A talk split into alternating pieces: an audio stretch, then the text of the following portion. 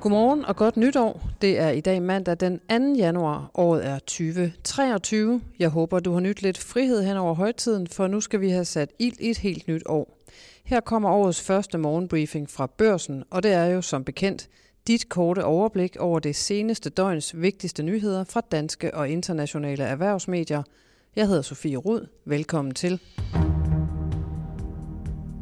Og vi begynder året på forsiden af børsen og andre danske medier med statsministerens nytårstale, som Mette Frederiksen holdt i aftes. Her holdt regeringens leder fast i den nye flertalsregerings forslag om at sløjfe en årlig helligdag. Det til trods for massiv kritik og modstand fra både oppositionspartier, faglige organisationer og mange andre. Jeg fornemmer, at forslaget ikke har opbakning hos alle, sagde Frederiksen, men understregede citat, at hver og en skal yde mere, hvis vi skal klare klimakrise og investere i forsvar og velfærd. I den her uge varmes der øvrigt så småt op til dette års overenskomstforhandlinger, og jeg vender tilbage til nytårstalen om lidt. Finans begynder 2023 med en forsidehistorie om, at banker og pensionsselskaber over de kommende år kan se frem til at blive pisket til at tage mere ansvar i klimakampen. Det forventer topchef i pensionskassen PKA, Jon Johnson, der samtidig mener, at det er en god idé, at politikerne stiller krav om at begrænse de klimaskader, der finansieres via udlån og investeringer, skriver Finans. Jon Johnson siger til Finans, så hvis man regulerer den finansielle sektor omkring det her, så tror jeg, at man får skabt enormt meget forandring, siger han. Og tilbage til børsen, hvor du kan læse om en ny undersøgelse fra Dansk Industri, som viser, at 84 procent af danske virksomheder oplever problemer, når udenlandske medarbejdere skal have en konto i en dansk bank. Danske banker skal ifølge loven tilbyde udlændinge, der har styr på CPR-nummer, MitID og opholdstilladelse, en basal betalingskonto inden for 10 dage.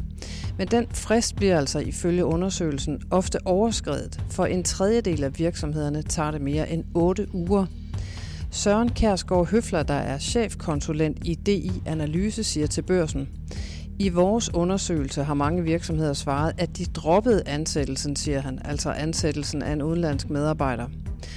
Store danske banker kan ikke genkende månedlange ventetider, når udenlandske kunder skal have oprettet en indlånskonto. Det gælder blandt andre Sydbank, Nordea og Danske Bank. Du kan læse hele historien på borsen.dk i dag. Og så har vores naboland Sverige søndag overtaget EU-formandskabet efter Tjekkiet.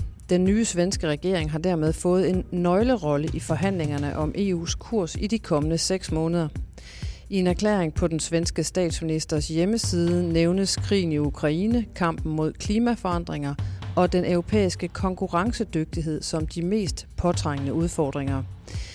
Det er Sveriges prioritet at fokusere på et mere grønt, et mere sikkert og et mere frit Europa, skriver Kristersson, det er den svenske statsminister, der er relativt ukendt på den europæiske scene. Det samme gælder de øvrige minister i hans centrum-højre-regering, skriver Ritzau. Vi skal over Atlanten til USA, hvor eksploderende omkostninger nu truer præsident Joe Bidens ambitioner om massiv udbygning af havvind. En række havvindprojekter på den amerikanske østkyst er nemlig så alvorligt udfordret af stigende omkostninger, at flere virksomheder bag vindmølleprojekterne, blandt andet Danske Ørsted, tvivler på, om de kan gennemføres. Nogle af havvindvirksomhederne vil genforhandle deres kontrakter, mens Ørsted, som er en af leverandørerne, kalder udfordringerne med blandt andet supply chain og inflation for citat uventet og hidtil usete, det skriver Wall Street Journal. Og så er der nye dystre toner om global økonomi i Financial Times, som skriver, at en tredjedel af den globale økonomi vil blive ramt af recession i år, ifølge chefen for den internationale valutafond IMF. 2023 bliver hårdere end de foregående 12 måneder, advarer IMF's Kristalina Georgieva, og covid-19-situationen i Kina har forværret udsigterne. Ifølge IMF-chefen vil USA, EU og Kinas økonomier alle bremse samtidig, og halvdelen af EU vil være i recession i år, skriver Financial Times. Den sidste handelsdag i 2022 blev overstået fredag, og investorerne lukkede dermed bogen for det, der er blevet det værste år på det amerikanske aktiemarked siden 20 08, altså finanskrisen. S&P 500 har samlet tabt 19,4 procent i 2022, men værre gik det for Nasdaq, der sidste år samlet faldt 33,1 procent i værdi. På selve dagen, altså i fredags, der tabte S&P 500 0,3 procent, mens Nasdaq lukkede stort set flat. Har hjemme lukket sig 25 året af med et fald på 0,3 procent fredag. For hele 2022 har det danske eliteindeks samlet tabt 13,5 procent. Tankrederiet Torm blev den ubestridte højdespringer på aktiemarkedet i 2022, hvor krigen i Ukraine og medfølgende sanktioner mod Rusland har vendt op og ned på markedet for transport af olie. Det betyder, at selskabet er på vej med en rekordindtjening, hvilket gav Torm-aktien en stigning på 283,8 procent siden starten af 2022. Hvis du ikke har haft tid til at holde øje med markederne hen over julen, så ligger der rigtig mange gode sager til dig lige nu på Borsen.dk Investor.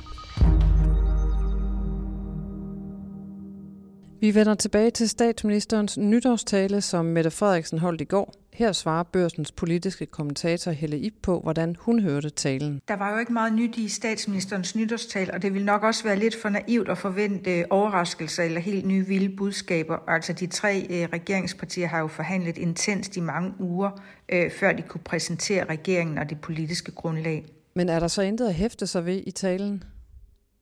Jo, jeg synes, at et af de klareste signaler er, at, øh, at Mette Frederiksen virkelig har brug for at begrunde, øh, hvorfor den nye regering træder ind i et reformspor. Altså forklare, hvorfor det er nødvendigt, at danskerne skal arbejde mere, at alle skal bidrage, øh, blandt andet på grund af krigen i Ukraine og behovene i den grønne omstilling og i velfærden.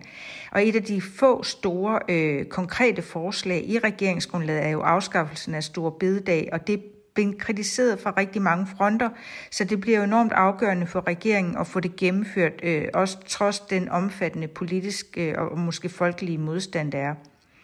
Så selvom vi har at gøre med en flertalsregering, så bliver et af de store interessante spørgsmål jo nu, øh, om de her tre partier har, har styrken til at gennemføre, hvad de har sat sig for, og også er i stand til at forklare, hvad meningen med det hele er. Det var børsens Helle Ip. Du kan læse hele hendes analyse på borsen.dk. Der finder du også reaktioner både fra andre partiledere, organisationer og andre meningsdannere. Det var, hvad jeg havde samlet til dig i årets første morgenbriefing. Vi er her igen i morgen og resten af ugen og resten af året, så indtil vi høres ved i morgen tidlig, så ønsker jeg dig en rigtig dejlig mandag i et helt nyt år.